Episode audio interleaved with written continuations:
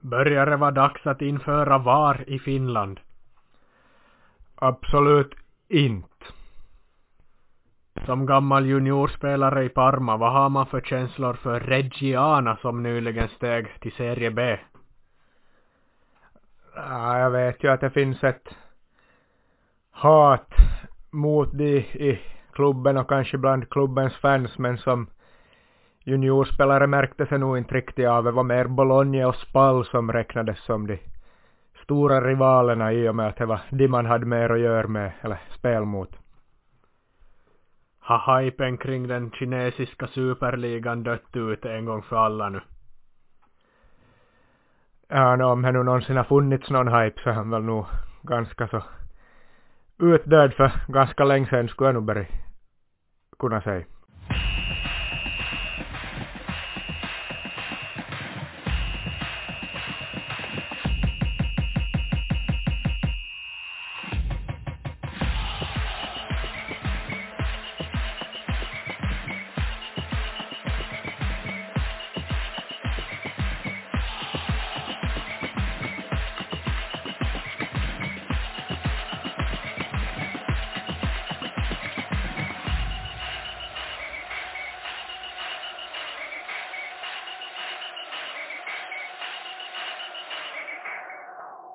Välkomna till ett nytt avsnitt och vi kastar oss in i elden direkt. Du vill inte ha VAR in i finsk fotboll men vi hade ju ett exempel på vad det kanske skulle ha behövts i helgen när Inter mötte Ilves och man gjorde ett mål som var över linjen men det upptäcktes inte eller kanske det skulle borde vara målkameror snarare än VAR men ja, kommentera mer. Ja, det var ju som du säger, Inter blev berånade på ett mål. Det var väl Timo Stavitski som sköt ett ganska snyggt skott som går in via ribban och bollen studsar ungefär, ja vad kan det ha varit, en halv meter, en meter nästan in i målet. Innan den sen studsar ut och ser man ju klart och tydligt på reprisbilderna att bollen var ju solklart inne. Men domarna missar ju det här och de har ju då varken VAR eller Goal Line Technology att rädda upp sitt misstag med. Så Inter blev utan mål där och matchen stod sig 0-0 till slut gick då Ilves och vann 2-1 så det blev ju ett ganska avgörande på det sättet direkt för matchutgången så man kan ju förstå att åtminstone Interfolk är förbannade och såklart alltid när det händer något sånt här så börjar det höjas röster om VAR och Goal Line Technology och allt möjligt och främst är det väl VAR som har diskuterats och ja som sagt jag är ju mot att VAR ska införas i, i finsk fotboll men Goal Line Technology är ju en helt annan sak. Där är det svart på vitt och här ju fungerar i alla tider sen det infördes så här skulle jag såklart gärna ha för att få bukt på sådana här problem men att få en med VAR eller få in VAR för att fixa de här problemen är vill jag absolut inte ha för vi har sett att det blir nästan mer problem än vad det löser när man har VAR. Sen är det som inte Golden technology som är antingen svart eller vitt att det är bollen in eller inte men Nej men VAR blir det mer problem och Golden technology jag vet inte varför inte vi har det vid det här laget eller är det en målkamera av något slag ovanför målet eller bredvid stolparna som kan se om bollen är in. Säkert en budgetfråga som med allt annat men VAR vill jag hålla så långt bort från veikkausliga och finsk fotboll som möjligt för det blir bara till mer problem. Jag som neutral ska ju säga sig gör ju lättare att komma med ett sådant påstående när man inte själv har blivit direkt påverkad så ja, jag accepterar ju att är man domare och inte har sådana teknologiska hjälpmedel så då kommer det komma någon gång per säsong något är fel. Men det kan man ändå acceptera mer än att det ska vara något skit med VAR där man har teknologin eller om någon målkamera skulle strula. Ja, att det skulle bli något problem med teknologin och att man inte därför kan se eller ändå inte får det rätt så det är ju mycket svårare att acceptera som man ser i alla Europas stora ligor där VAR finns så det blir ändå bara mer fel än rätt och ja då är det lika bra att ha har den mänskliga faktorn som ändå är med VAR men att man har bara domare direkt som, som alltid har varit före VAR. som får avgöra allt det här. Då kan det bli så här ibland, men he, kan man ändå acceptera att det skulle vara något fel med VAR. Skulle vi införa VAR i, i Finland skulle väl dessutom vara någon sån här budgetvariant så det skulle ju inte vara som lika high-tech som de har ute i, i stora världen. Så det skulle ju bara bli ännu sämre än, än vad de har det där så. Så nej, absolut inte något vara. Och tänk då om man ska försöka bedöma det här och så funkar inte tekniken eller någonting sånt för budgetvarianten och det duger ändå inte att avgöra så. Då är det nog mer små, svårsvält, svårsmältat accepterat. Man blir berövade på ett sånt här mål än om det är ändå en domare som har sitt fel. Så, ja, jag är emot VAR och jag backar upp domarna här ändå och förstår att det kan ju bli fel ibland helt enkelt. Och överlag tycker jag ju att vi har helt okej domare här i Finland så inte finns det riktigt skäl att införa VAR inte och göra sämre inte. Nej, jag köper vad du säger och vi får väl se i slutet av säsongen om man kommer gå tillbaks till det här momentet och peka på den här händelsen som en en tappad poäng eller flera tappade poäng som avgör om ja, avgör Inters ligaplacering. Det får vi se sen och då kommer man minnas det här ögonblicket men man får väl hoppas att det jämnar ut sig som man alltid säger i, i det långa loppet men är ju ett horribelt misstag av domarna, det måste vi ändå säga. Ja, förstås, som sagt, är man neutral är det ju lättare att komma med det här påståendet än om ens lag påverkas av det och, och så. Men ja, nu är det ju såklart, ska ju domarna se att bollen är en halv meter, en meter in i målet, inte, inte är det ju något snack om saken, men ibland blir det misstag och så kan det gå till och med på, på större nivå. Och som sagt, det är ju inte sagt att ens teknologin eller VAR eller sånt fixar sådana problem, eller det här kanske just de skulle kunna ha ganska goda förutsättningar att fixa, men en massa annat fixar det inte och en massa annat blir bara värre på. Så, så hellre så här någon gång per säsong då någon enstaka gång på några säsonger än att vi har VAR som varje vecka har nya problem och nya kontroverser och nya diskussioner runt sig om varför inte görs på ett sätt och varför streck dras här och varför är det offside där och varför är det hand och är det straff och, och allt möjligt som kommer med det var så hellre så här. Men vi lägger väl Inter, eller Ilves Inter bakom oss där tycker jag, kan ju konstatera snabbt bara att Petteri Pennanen har gjort alla tre mål som Ilves har gjort den här säsongen från sin mittfältsposition, så han är ju öppnat rivstarkt för, för Ilves den här säsongen och är ju viktigt för dem om det ska bli till något att han är på topp som han ser ut att vara men vi går väl till, till nästa match. Jag har ju varit full omgång i veckosliga i helgen och vi har en del att diskutera. Du har ju varit på plats till och med. Tyvärr inte jag och jag grämer mig att jag, jag missade det här spektaklet på, på Sandviken i fredags var jag väl och jag var till Åbo över helgen så jag missade tyvärr det men HJK kom på besök och du var där och fick bevittna ett ganska så mäktigt bortastå visst. Ja, det hade väl varit nå bråk dagen före mot HIFK mellan fansen och en uppgörelse och sen så lämnar man Helsingfors med stor polisbevakning på lördag dagen där och var man en hundratal bortafans någonting sånt. Över hundra var man väl och var två, tre bussar som kom upp till Vasan. Perfekt lördagsmatch så jag blev ju ganska e-, ett taggat bortafölje som följde med och fler polisbilar än vanligt utanför Sandviken i Vasa och man körde ju igång rejält med ett sån här, vad ska vi säga, trestegstifo, två två olika sån här bildtifon och sen ett bengal-tifo på det och ett ja, största rökmolnet vi har sett på Sandviken på, på länge, jag vet inte, kanske någonsin till och med för det var nog bra tryck i HIKs borta följe.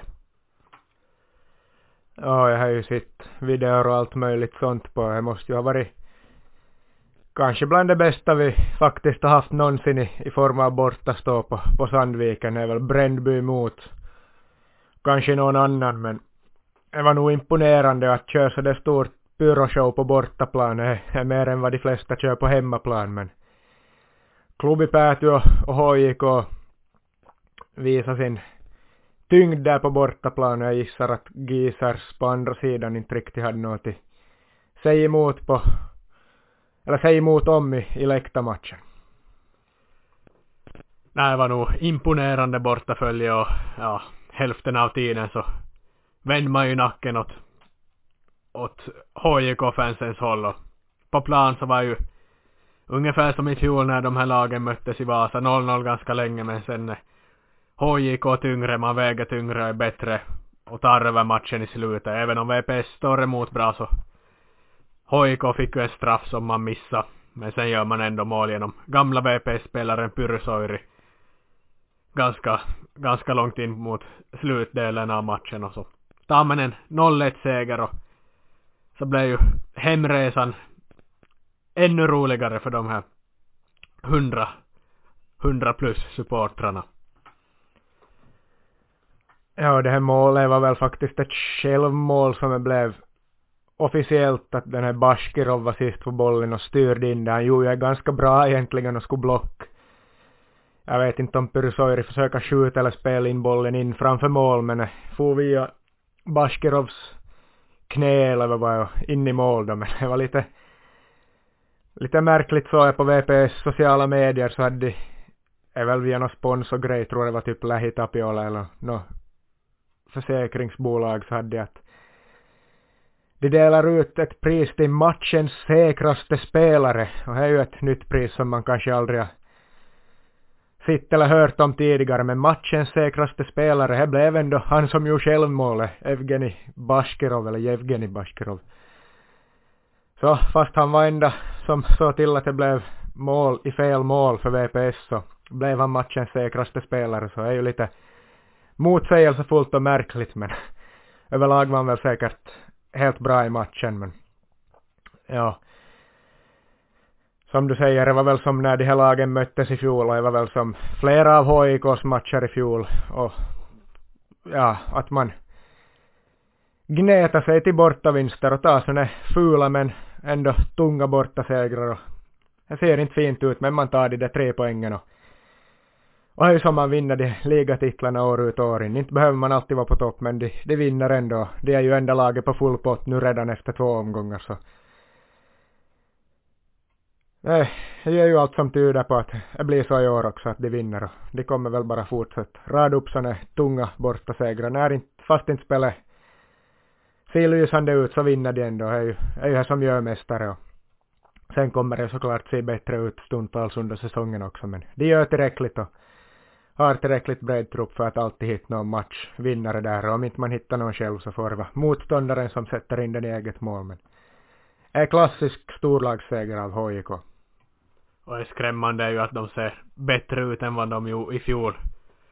Om vi jämför just den här matchen då de kom till Vasa samma tid i fjol att de var bättre i år tyckte jag att man är redan så här stabila och VPS är som sagt bra. Bachirov var faktiskt bra. Han imponerande spelare i VPS men HJK klasser bättre sen i slutet. Att man visar varför man är Finlands Malmö FF eller vad vi nu ska säga men sen hörde vi av våra interna källor att man brände av Beng Pyro i Jalasjärvi. Man hade lite överskott, ett restlager som man inte hann elda upp i Vasa så bussresan hem så brände man resten i Sydösterbotten i Jalasjärvi så man stannade bussen där och drog ett ett eget tifo mitt i, ja, ah, sen kväll i Jalasjärvi är väl.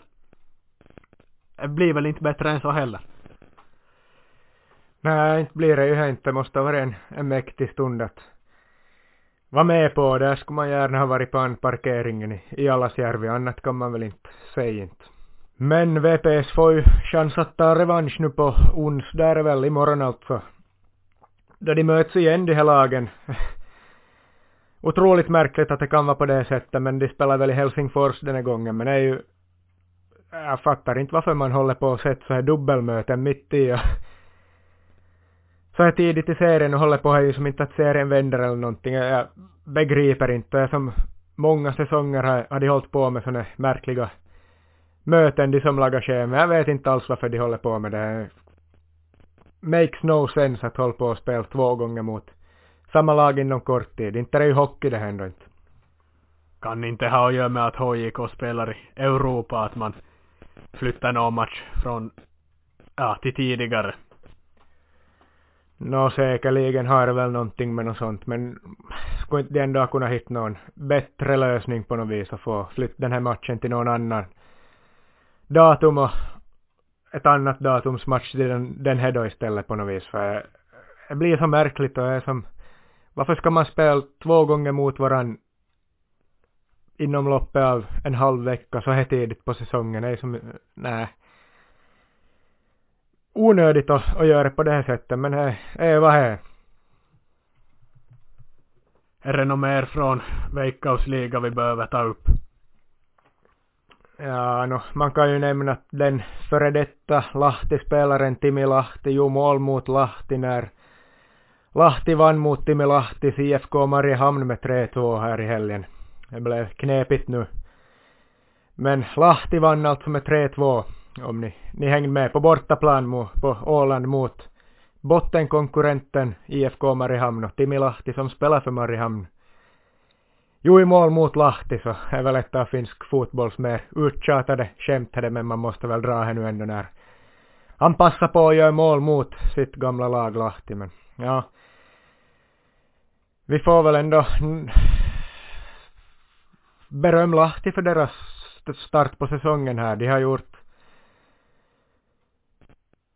eller gjort och gjort. De har tagit fyra poäng väl på de två inledande matcherna, båda på bortaplan. De öppnade väl med 0-0 här i Sandviken mot Vepsu och sen 3-2 vinst på Åland borta så två matcher utan förlust, fyra poäng. Tagit poäng av bort, vad heter det, bottenkonkurrenter på bortaplan så är är ändå starkt. Vi hade ju tippat de båda två att de kommer sist i tabellen och är ju vad de flesta har tippat också.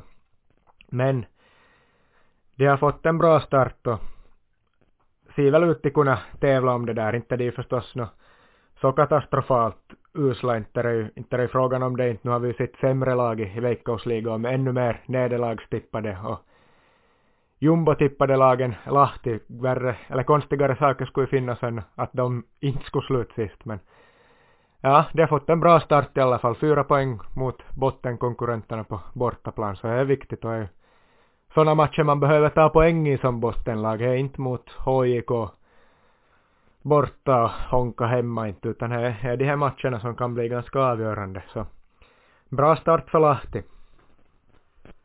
Och bra start har också Simon Skrabb fått om vi rör oss till Sverige och Jakobstads sonen som kom tillbaks till svensk fotboll efter sitt Italien-äventyr. Det var väl i, i fjol eller förfjol han kom tillbaks till Kalmar FF.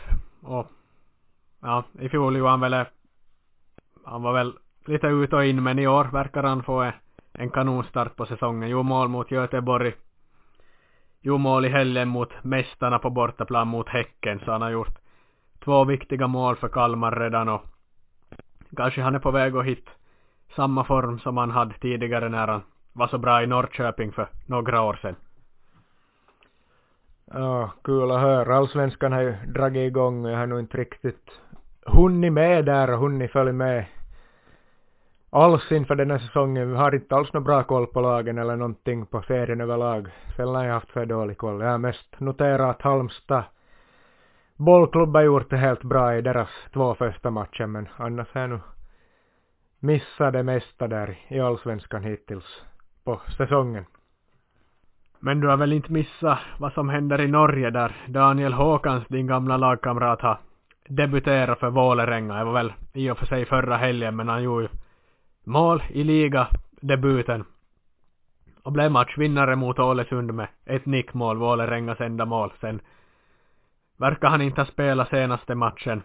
Men han har i alla fall fått en, en bra start på sin tid i Norge. Vi nämnde väl tidigare här i vintras att han blev klar för Vålerenga och i en intervju efter matchen där han gjorde sitt första mål så, så var han ganska exalterad över sina supportrar, Vålerengas fantastiska bortafans som han benämnde. Ja, han har hyllat dem flera gånger och till mig också när vi har diskuterat det så har han nog varit lyrisk nästan över över de där fansen och klart det är väl nog ganska många dimensioner bättre än Klopiti i Seinejoki och Järv där han var tidigare i, i Norge förra hösten så hade väl inte ändå så mycket fans de heller är ju en liten klubb men ja han gjorde ett nickmål där det måste ju ha varit karriärens första nickmål. Jag kan knappt ens minnas att jag någonsin skulle ha sett han nicka en boll så att man såg det målet då att han nickar in. Det var ju en välplacerad nick i bortre som tekniskt bra utförd så man blev nog nästan lite överraskad men ja, kul för honom. Sen hade han väl något baklårsproblem eller vad det var så att han inte var riktigt fit for fight här i söndags då. De förlorade väl mot Sarpsborg då. Så borde inte vara något farligare. Han tog väl inga större risker bara men det stärker ju hans aktier här också att ja, han är med i premiären, gör matchens enda mål, blir matchhjälte och sen när han inte är med så förlorar de på hemmaplan mot Sarpsborg så där har han att peka på då att han ska vara den som gör det för de Och när han inte är med så får han säga att då går det åt helvete, även om han nog knappast säger så. Han är väl nog rätt så ödmjuk men så det kan vi andra åtminstone säga.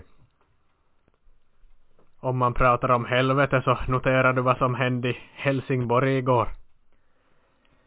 Ja, de har sparkat hela ligan av klubblegendarer där i klubbledningen och styrelsen och Granqvist har fått gå, och Alvaro Santos och Kroken och, och hela gänget har väl lämnat och är väl kaos som vanligt i, i Helsingborg. Ja, jag noterar, vi ska väl inte prata om superettan så där mycket men de ligger väl sist i, i Sveriges andra division, sparka två legendarer som, som delar på tränarskapet och, och sportchefen som är också en legendar.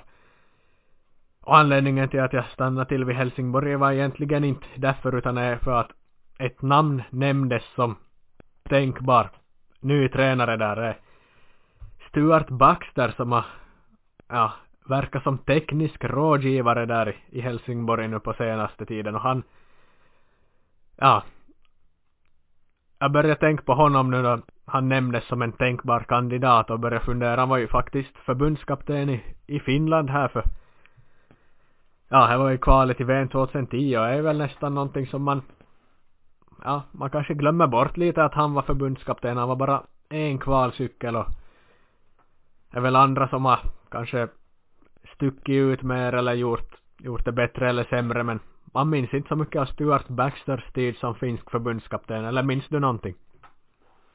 Nå ja, jag var ju förstås ganska ung så inte minns man nog allt inte men det gick väl ändå hyfsat där och det var Suomi-Afrika nyt matkalla då Finland skulle till VM 2010 och var väl ganska nära ändå eller hyfsat bra kval gjorde man väl om jag minns eller minns jag fel. Vi hade åtminstone den här sången så kanske är den jag, jag minns fel men det tog väl nog några kryss mot Tyskland där 3-3 och sånt och och vad som sista stora chansen kanske för det här gänget med Hypia och Littmanen och Forsell och alla de här legendarerna och Taini och vem alla som nu var med, Väyrynen och, och gänget Kolka typ och det här men. Ja, det är väl ungefär vad jag minns, sen minns jag nog inte så mycket enskilda detaljer och matcher inte, jag var ju som sagt väldigt ung. Men efter att han lämnade började väl sakteliga bli så att det gick ut för lite därefter att ha varit lite halvnära kvalen där ändå, ganska nära en 2008 med Hodgson och hyfsat nära 2010 så blev det ju sämre sen därefter och några riktigt mörka år. Innan det sen gick uppåt då igen när rivet tog över för ja vad börjar det bli nu en åtta år sedan kanske? Nej, ja, ja. Får inte matten att stämma ihop men det är ju ganska många år sedan här redan, känns som just men Ja, det är väl vad jag minns av Stuart Baxter och tiden efter. Det gick ju bra med Roy Hodgson men lite sämre började jag nog gå redan med Stuart Baxter. Men vi ska väl säga att han fick en bra start med 3-3 mot Tyskland hösten 2008. Daniel Sjölund jo 3-2 målet. Finland ledde väl ledde väl tre gånger men Klose kvitterade varje gång och gjorde hattrick så det blev oavgjort men en stark poäng tog han mot Tyskland och så tog han väl någon vinst mot Azerbajdzjan och Wales också eller någon sådana lag i kvalet men det blev väl dubbla för, förluster mot ryssarna och inget VM 2010 och sen började dåligt sen i nästa kval. Det blev väl förlust mot Moldavien och Ungern och så fick han sparken och då tog väl, väl Miksu Paatelainen som tog över dem. Vi tror väl inte att Stuart Baxter kanske blir tränare för Helsingborg nu men han hade i alla fall inte stängt dörren för att återuppta tränarkarriären fast han börjar vara gammal och det skulle vara kul att se honom igen och höra hans intervjuer då han bryter på, på svengelska. Ja, oh, this is the fucking Champions League och allting va Ha, bjudit på intervju, eller mixade zonen, intervjuzonen. Nej, det skulle ju vara mäktigt men kanske det var så att det började gå utför redan under hans tid. Ja, han hade potential att, eller chansen att ta, förvalta och ta vidare vad Hodgson hade byggt på där under kvalet i EM 08 men lyckades väl inte riktigt med det och så blev det väl sämre och sämre för hela hans tid då, låter det ju som.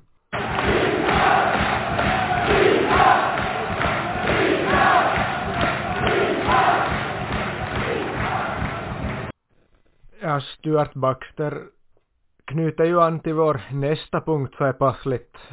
Nästa punkt som jag hade tänkt att vi skulle kunna diskutera lite.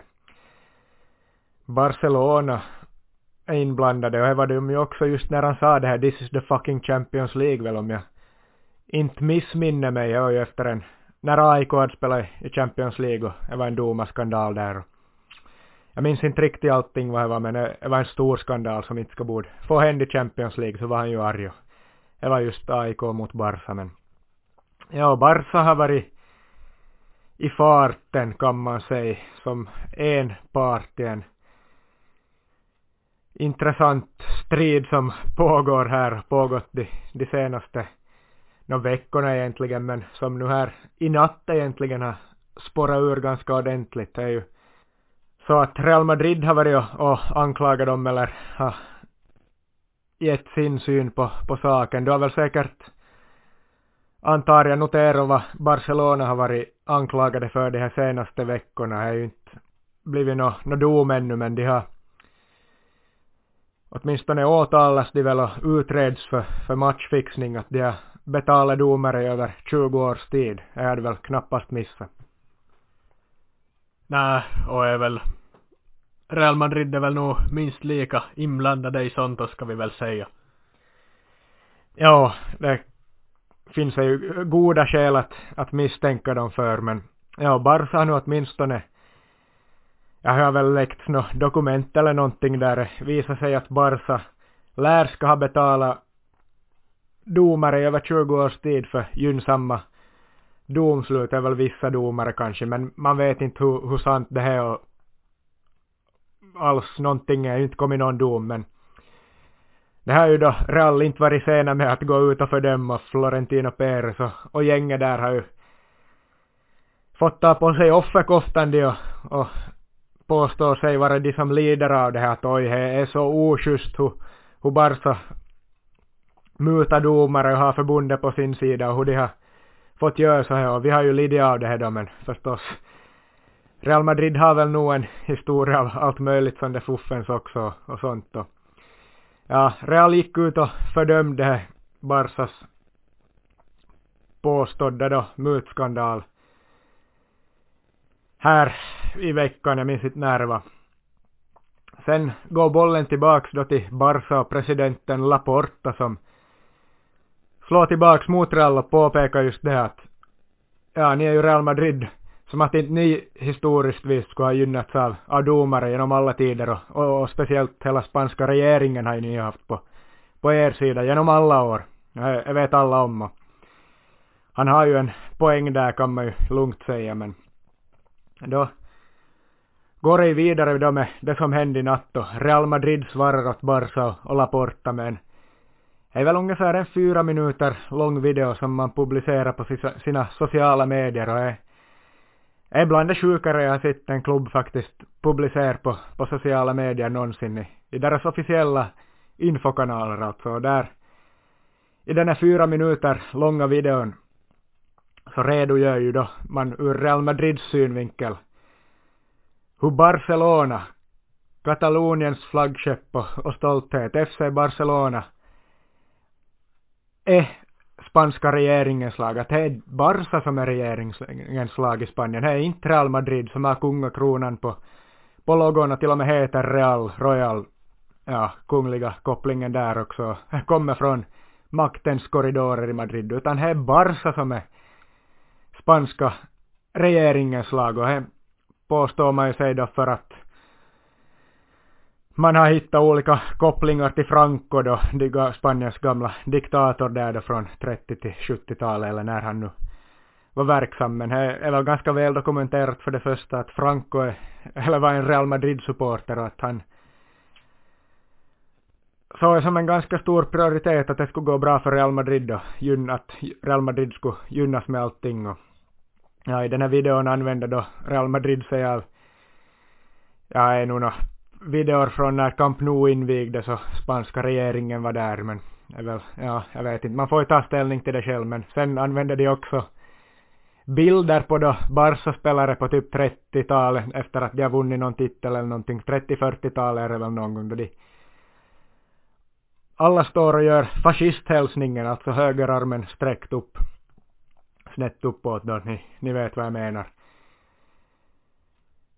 Inför, ja, de visar det här då inför, inför en match står de och håller den så, och efter att de, efter någon match då de har vunnit någon titel och sånt, men ja, det, det använder då Real Madrid som bevis på att ja, ser ni, det, det är Barca som är, det är de här högerextrema fascisterna här, regeringens lag som var dikta, vad heter det, diktaturen, styrets lag där, men faktum är ju det när man börjar googla och söka på bilder och allting så hittar man ju bilder på precis säkert varje lag i hela Spanien som gör det här under den här tiden som står med armarna upp så det då gör fascisthälsningen. För det var ju det man måste göra. Det var ju tvång av diktaturen att alla lag gör det här och hälsar när diktator Franco kanske var på plats på matchen eller, eller inför någon stor match eller sånt så skulle man göra den här hälsningen så finns ju precis lika, lika många bilder på när Real Madrid spelare och Real Madrid-lag står uppställda och gör fascisthälsningen så det är ju intressant det här för mig som studerar historia så har vi lite funderat på sådana historiebruk, alltså hur man brukar historien för ett visst syfte eller för ett visst ändamål. Så det här är ju ett ganska intressant exempel på hur Real Madrid missbrukar historien eller vänder den.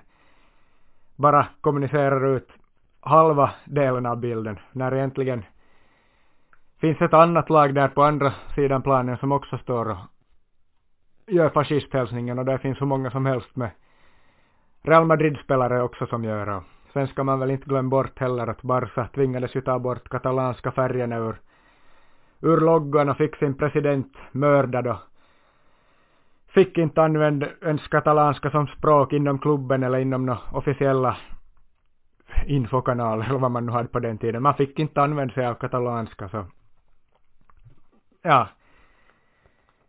Att påstå att Barcelona är spanska regeringens lag och att man var Francos lag är väl är ganska magstarkt att Real Madrid går ut och, och gör det i sina officiella medier är ju, är ju lite speciellt och sen kan man ju också fundera på vad den nuvarande spanska regeringen tycker om det här då, för de har ju alltid varit öppet Real Madrid-fans. Spanska kungahuset har alltid hållit på Real Madrid i alla år. Och nu mitt i allt säger Real Madrid själva att nej, Barcelona är ert lag. Så då funderar man ju, vad, vad tänker spanska kungen om det här? Att jag har nu, blev jag tilldelad här Barcelona som mitt lag, men jag har ju alltid hållit på Real Madrid och i kungahuset har vi ju alltid hållit på, på Real Madrid. Men nu säger Real Madrid själva alltså att Barca är, är, är mitt lag, är regeringens lag. Och Barca som alltid har varit förgrundsfigurer för, för Kataloniens kamp om självständighet eller frihet och, och allt möjligt sånt för Kataloniens sak så, så nu mitt i allt är det regeringens lag som alltid har regeringen som alltid har tryckt ner Katalonien eller ofta historiskt i alla fall, inte kanske något mer på, på samma sätt men men så ja, så är ju en en märklig historia att Real Madrid skriver alltså om historien, hela fotbollshistorien och Spaniens 1900-talshistoria här med, med en fyra minuters video för att svara åt Barcelona. Ja, det är ju, är ju att Real Madrid förnekar ju i princip sin egen identitet här då nu också. De har ju alltid varit kunglighetens lag. De har ju fan på logon till och med en kungakrona och heter Real Madrid. Så men nu är de mitt i allt inte alls regeringen och kung, kungarnas lag utan nu är de, nu är de offren här så ja. Eh, en märklig situation. Det var sjukt det som de, de lagade upp på sociala medier och då ska ju sägas att Barca är ju förstås inte oskyldiga heller och de smutskastar ju nog Real Madrid på alla sätt det också men den här rivaliteten är ju, är ju ganska häftigt att det kan bli så ja. För de som säger att politik inte har något med fotboll att göra, att fotboll inte är politik, så är det väl nog bara att se på det här som ett perfekt exempel på att fotboll är 100% politik i, i vissa fall. För Barca mot Real är det nog inte bara Barca mot Real på en fotbollsplan, utan det är maktens korridorer i Madrid mot, ja vad ska man säga, rebellerna i, i Katalonien som står på spel där. Så, ja.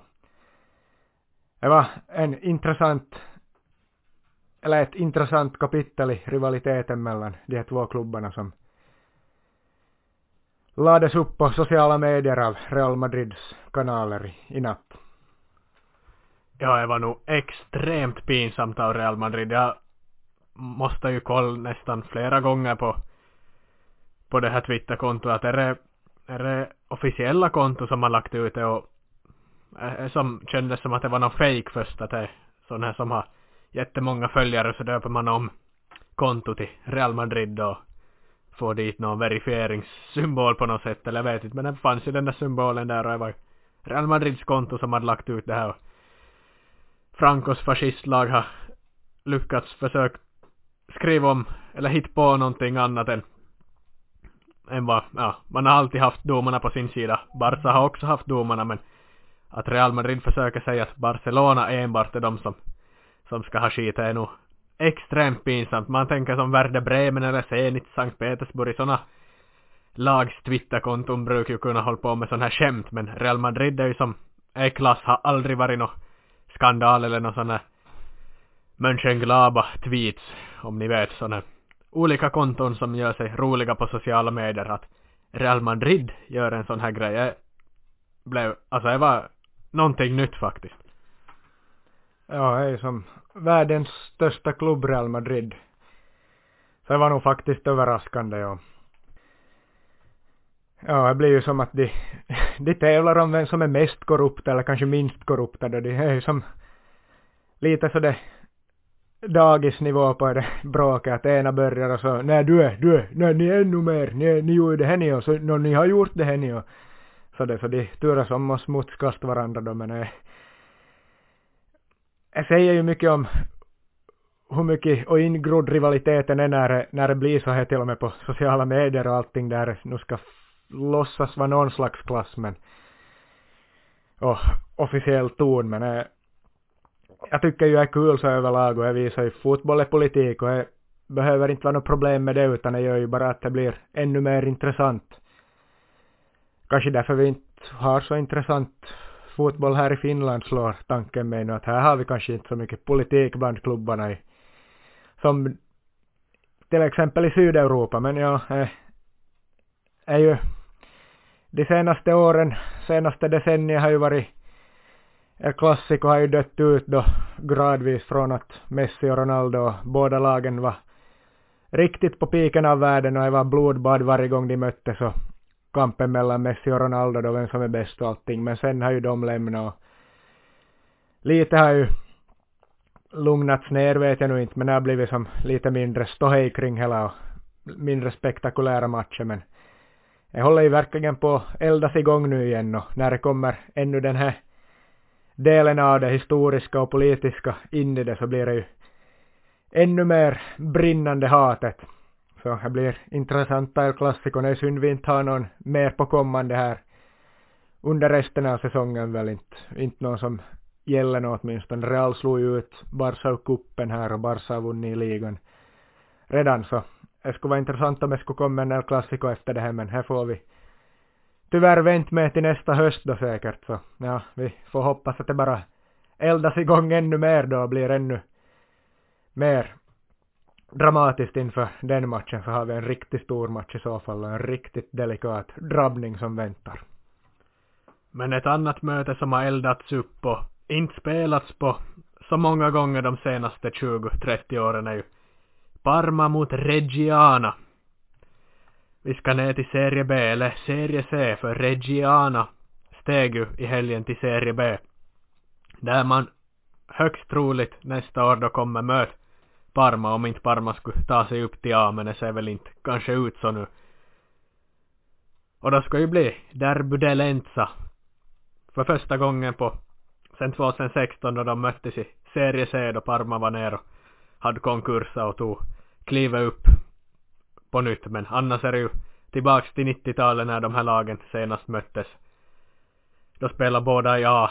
Reggiana var upp några säsonger och Reggiana är är ju inte Regina, utan Regina och Reggiana är ju olika saker. Regina är från Syditalien, Reggiana är från Reggio Emilia. De har båda vin röda dräkter så man kan lätt blanda på dem men ja, vi tar väl upp det här enbart för att du har tillhört Parmas organisation där och de märktes inte av hatet mot Reggiana men när jag kollar upp lite och läser på sig verkar nog vara ett, ett hett derby och man, man hatar varandra och jag brukar vandaliseras bilar nästan varje gång de här lagen möts och så vandalism på tågstationer också men Reggiana upp till serie B efter att ha varit nere i, i skiten i flera år.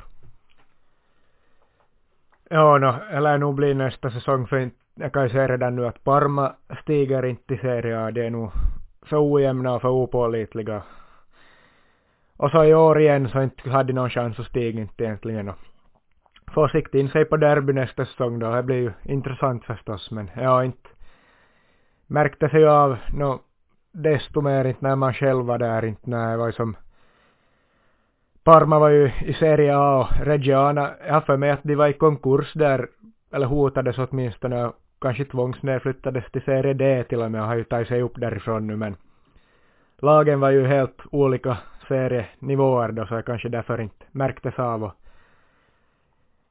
juniorerna då vi, de var nog inte Reggiana i, i samma serie som oss heller så det var inte som att man hade någon kontakt med, med dem inte men så det annars när man har talat med folk inom klubben och, och hört lite vad fansen tycker och, och sitt på sociala medier och sånt så har man ju nog märkt av att det finns ett hat där men ja, i och med att det var 2016 senast de möttes, då hade inte jag ännu kommit dit. Jag kom väl 2017 var jag där för första gången och provtränade och 2018 skrev jag väl på kontraktet där så då hade ju de inte någonting och gör med varandra för tillfället där inte så jag har ju inte riktigt fått ta del av det. Det var mer spall och lite Bologna.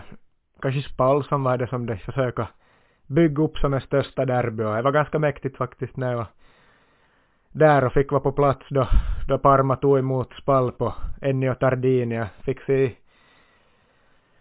matchen mot Inter och Napoli också och sådana men inte, det var ändå den här Parmaspall-derbyt då inom citationstecken, inte kanske ett riktigt derby som, men ja, det var, det var den matchen som var den som var den bästa upplevelsen. Parma ledde med 2-0 och sen vänds Spall till 3-2. Det var som två stora bortakurvor som sjöng i på varsin kortsida. Det var fullsatt på båda kortsidorna så det var en mäktig upplevelse de var på plats på faktiskt men det var ju Spall och inte Reggiana så ja Reggiana har nu inte på det sättet tagit del av eller rivaliteten mot dem inte, nej. Och är faktiskt ett sånt lag som jag inte heller har sett för det var ju 90-talets mitt som man var uppe någon gång i Serie och jag var för ung för att se dem då så är ju men det verkar ju vara ett riktigt sånt här skitlag sån som inte riktigt har någon ja, ah, någonting annat att komma än att man man har ett derby mot Parma och försöker förstora uppe men man borde ju kalla för Parmigiano Reggiano ostderbyt istället för Derby de Lenza som syftar på en, en flod som går mellan orterna. Det skulle väl vara ett bättre namn kanske. Ja, kanske vi döper bort det här avsnittet till här istället så har nu någon använt det åtminstone. Det är ju nästan en missad chans är det faktiskt. Låter ju ganska bra. Vad sa du? Reggiani, Reggiano Parmigiano derby. Ja, det skulle vara ganska bra faktiskt. Parmigiano Reggiano. Båda de här orterna, Parma och, och Reggio, har ju väl den här osten som sitt kända varumärke. Som man har väl den varumärkesskyddad och så kan vi väl nämna att ja, fast Reggiana är väldigt anonymt så hade man Taffarel där en gång i tiden. Faktiskt som VM 94 världsmästare så tillhörde han Reggiana. Och han hade ju faktiskt lånats ut av Parma där han inte Ja, han hade blivit bänkad där helt enkelt så det är lite märkligt att världsbästa målvakten tillhörde Reggiana men nästa säsong, derby mellan Parma och Reggiana, som inte är Regina då alltså. Nej, man har väl nog själv också gjort misstaget där någon gång och blandat ihop Regina och Reggiana. De har ju exakt likadana färger, vinrött och vitt och är bara en bokstav som skiljer i namnet och ofta har de spelat i samma serie också så det, det gäller att ha koll där på så man inte blandar ihop dem ju. Yes, men vi rör oss ut från Europa nu. Jag blev ju provocerad här om dagen där jag läste att kvatarska ska spela Gold Cup, alltså Nord- och Mellanamerikanska mästerskapen i, i sommar. Man är tydligen med där, helt otroligt. Man var ju med tidigare ett år så var, har man varit med i Copa America och är ju lika smutsigt men då fattar man ju att det är deras grej att försöka få några tävlingsmatcher inför att man skulle ordna VM 2022 då. Men nu har ju VM varit och farit. Men Qatar ska vara med i Nord- och Mellanamerikanska mästerskapen i sommar. Det är ju fan sjukt. Ja, det hade jag missat, men blir ju besviken faktiskt när du säger det. Man hade ju tänkt att det inte är väl färdigt nu med Qatar, men tydligen inte då. Ja, kanske de inte är färdiga då, kanske de satsar vidare mot nå nya mästerskap då. Det skulle man ju inte vilja, men det är väl något sånt man börjar misstänka här då istället. Ja, man vet inte alltså att man har, har så stor makt inom fotbollen och försöker få dit nå Champions League-finaler någon gång framöver eller vad man nu ska tro men att de man trodde ju att varje och farit men man ska vara med i Gold Cup i sommar och det är hur smutsigt som helst då. Kontroversiellt då. Ett annat kontroversiellt namn är ju, eller land, är ju Kina. Och är ju dags nu. I helgen var ju dags för den kinesiska superligan att dra igång efter tre år av restriktioner och första gången på sen coronatiden som publiken är tillbaka så man spelar inte in i någon sån här slutspelsbubbla med alla matcher i Peking eller någonting sånt utan nu är The Chinese Super League tillbaks. Men ekonomin har väl nog börjat svikta där och hypen verkar ju vara över och man har infört någon form av lönetak nu också men vi minns ju där bara för ja, flera år sedan nu men 2016, 17 då var ju faktiskt en jag vet inte hype men i alla fall stora namn som gick till Kina. Och det började vara fler och fler stora alltså världsstjärnor som gick och fick ja, alltså va, fick man över en halv miljon i veckan som lön där i, i, i Kina. Och jag ska vara så här ärlig nu och säga att det är bara Marwan Fellaini och Christian Bassogog som jag kände igen när jag kollade på vilka utländska profiler stjärnor som spelar i kinesiska ligan nu för alla stjärnor verkar ha lämnat eller är inte lika stjärntätt som tidigare så jag är nog corona såklart men det är väl det kanske som är den största orsaken till att hypen är över men kinesiska superligan inte lika namnstark nå mer.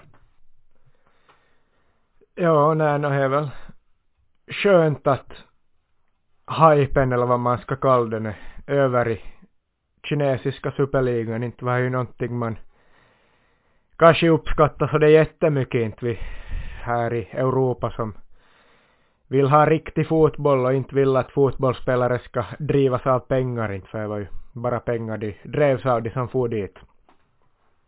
Men visst var det stora namn som gick dit 2016, 17, 18 där och jag tänkte jag skulle nämna fem stora profiler som gick till Kina under de här åren och så ska du få, ja, du får kort säga bara vad du tänker på under deras ja, session i Kina om du har något minne från det eller vad du tror de gör idag.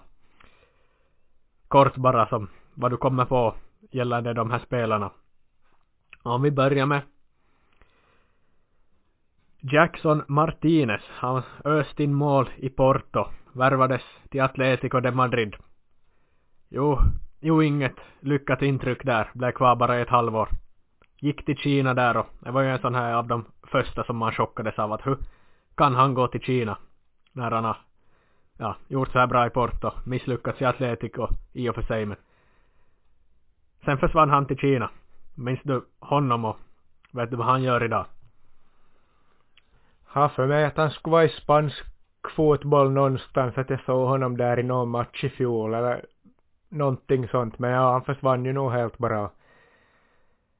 Fick bara ett halvår på sig innan han tyckte att det räckte där i Atletico Madrid. Jag minns att han blev värvad för ganska så saftig prislapp till Atletico så man blev faktiskt riktigt chockad när han gick till Kina efter bara ett halvår där. Det var överraskande ja. Och sen såg man ju inte mer av honom inte. Man hade ganska stora förväntningar på att han skulle kunna bli riktigt bra i en, en forward för något europeiskt topplag då, men nej. Det blev pengarna åt Kina, men ja, som sagt, jag tror att han är eller har varit åtminstone nyligen i någonstans i någon spansk mindre klubb. Ja, då har du fel för den här colombianska strejken, han kom tillbaks till Europa ganska snabbt. Han misslyckades i Kina faktiskt kom till Portimonense i portugisiska ligan men han slutade sedan en tre år tillbaka så han nu för tiden är han en kristen hiphop-artist så han är inne i musikbranschen han nu på, på heltid.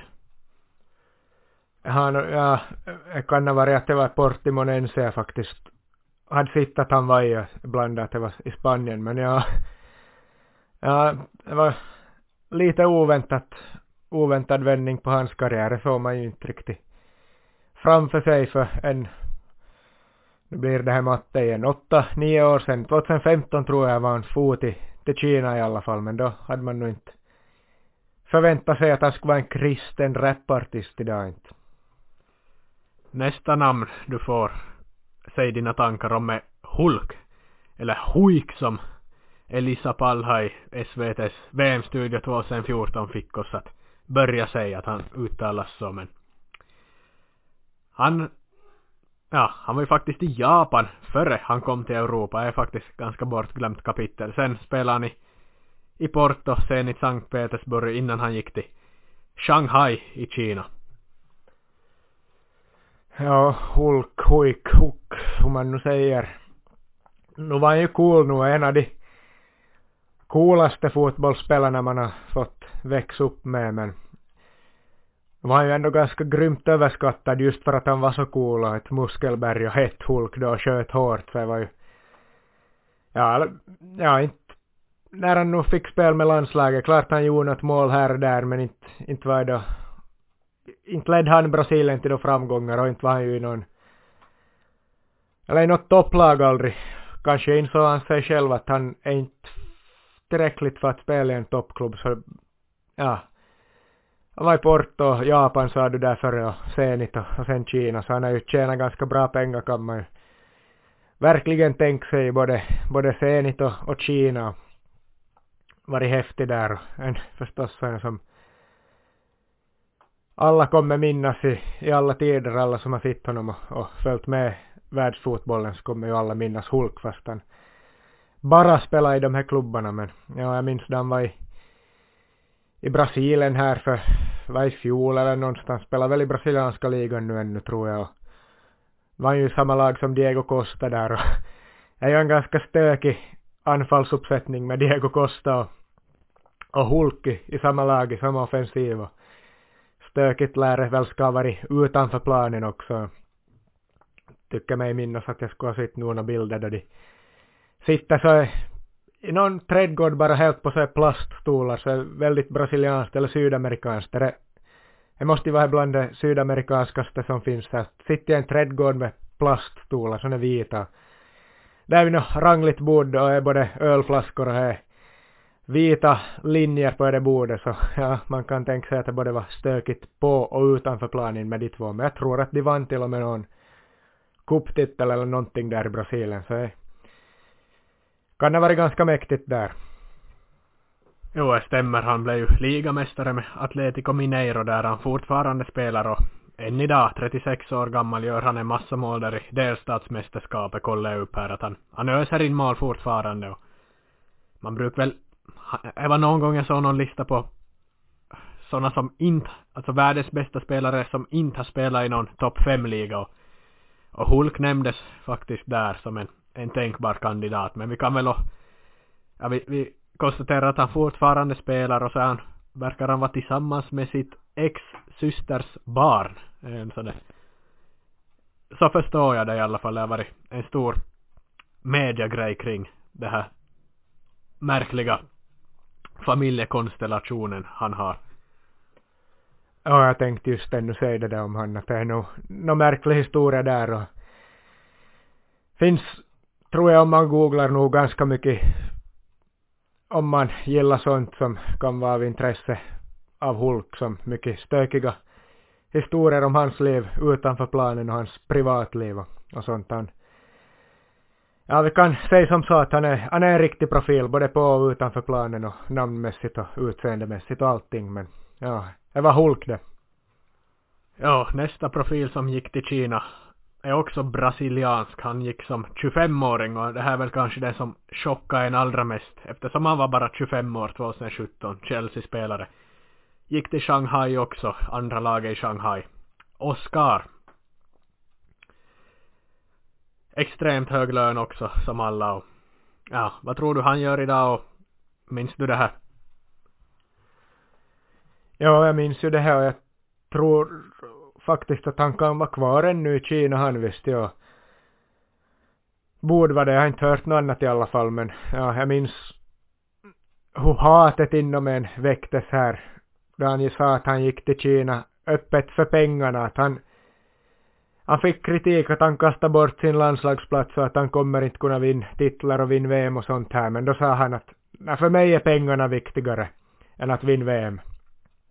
Men då vräktes nu, eller väcktes nu ens vrede till liv minns jag, hela fotbollsvärlden och Europa blev väl ganska arga på det uttalande för inte var ju som så att han hade dåligt betalt i Chelsea inte heller kan man ju kan man ju gissa i alla fall men han tyckte sig ha för dåligt betalt där så han behöver fara till Kina och få ännu mer.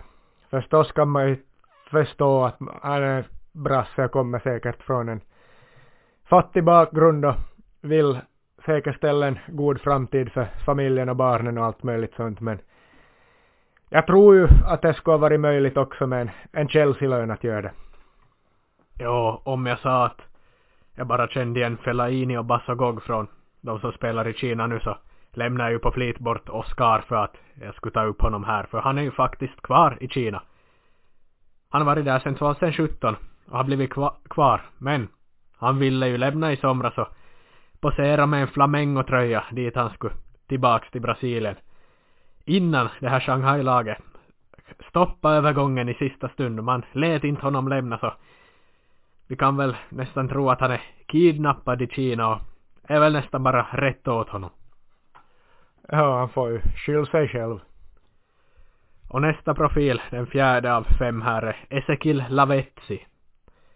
En ikon då Napoli tog sig tillbaks till en etablerad faktor i italiensk fotboll. En personlig favorit där runt 2008, 9, 10 för mig faktiskt. Han var riktigt bra minns jag i Napoli och gick ju tyvärr till PSG och blev lite ja, hans karriär började väl dala redan då även om han var bra men han gick till Hebei Fortun var där i tre säsonger. Och ja, minns du nå vad han gjorde för någon grej som uppmärksammades i Kina och vet du om han ännu spelar idag? Nej, minns jag inte men jag tror ju inte att han spelar ännu idag e, inte, nej. Eller vem, nej inte tror jag det. Han var väl känd för att inte sköt sig så bra utanför planen han också. Han kom väl ofta tillbaka till försäsonger lite för runda med lite för många kilon runt midjan och låren och allt möjligt sånt som inte en fotbollsspelare på den nivån skulle borde ha dragit på sig under semestern, men det är väl typiskt argentinskt det också.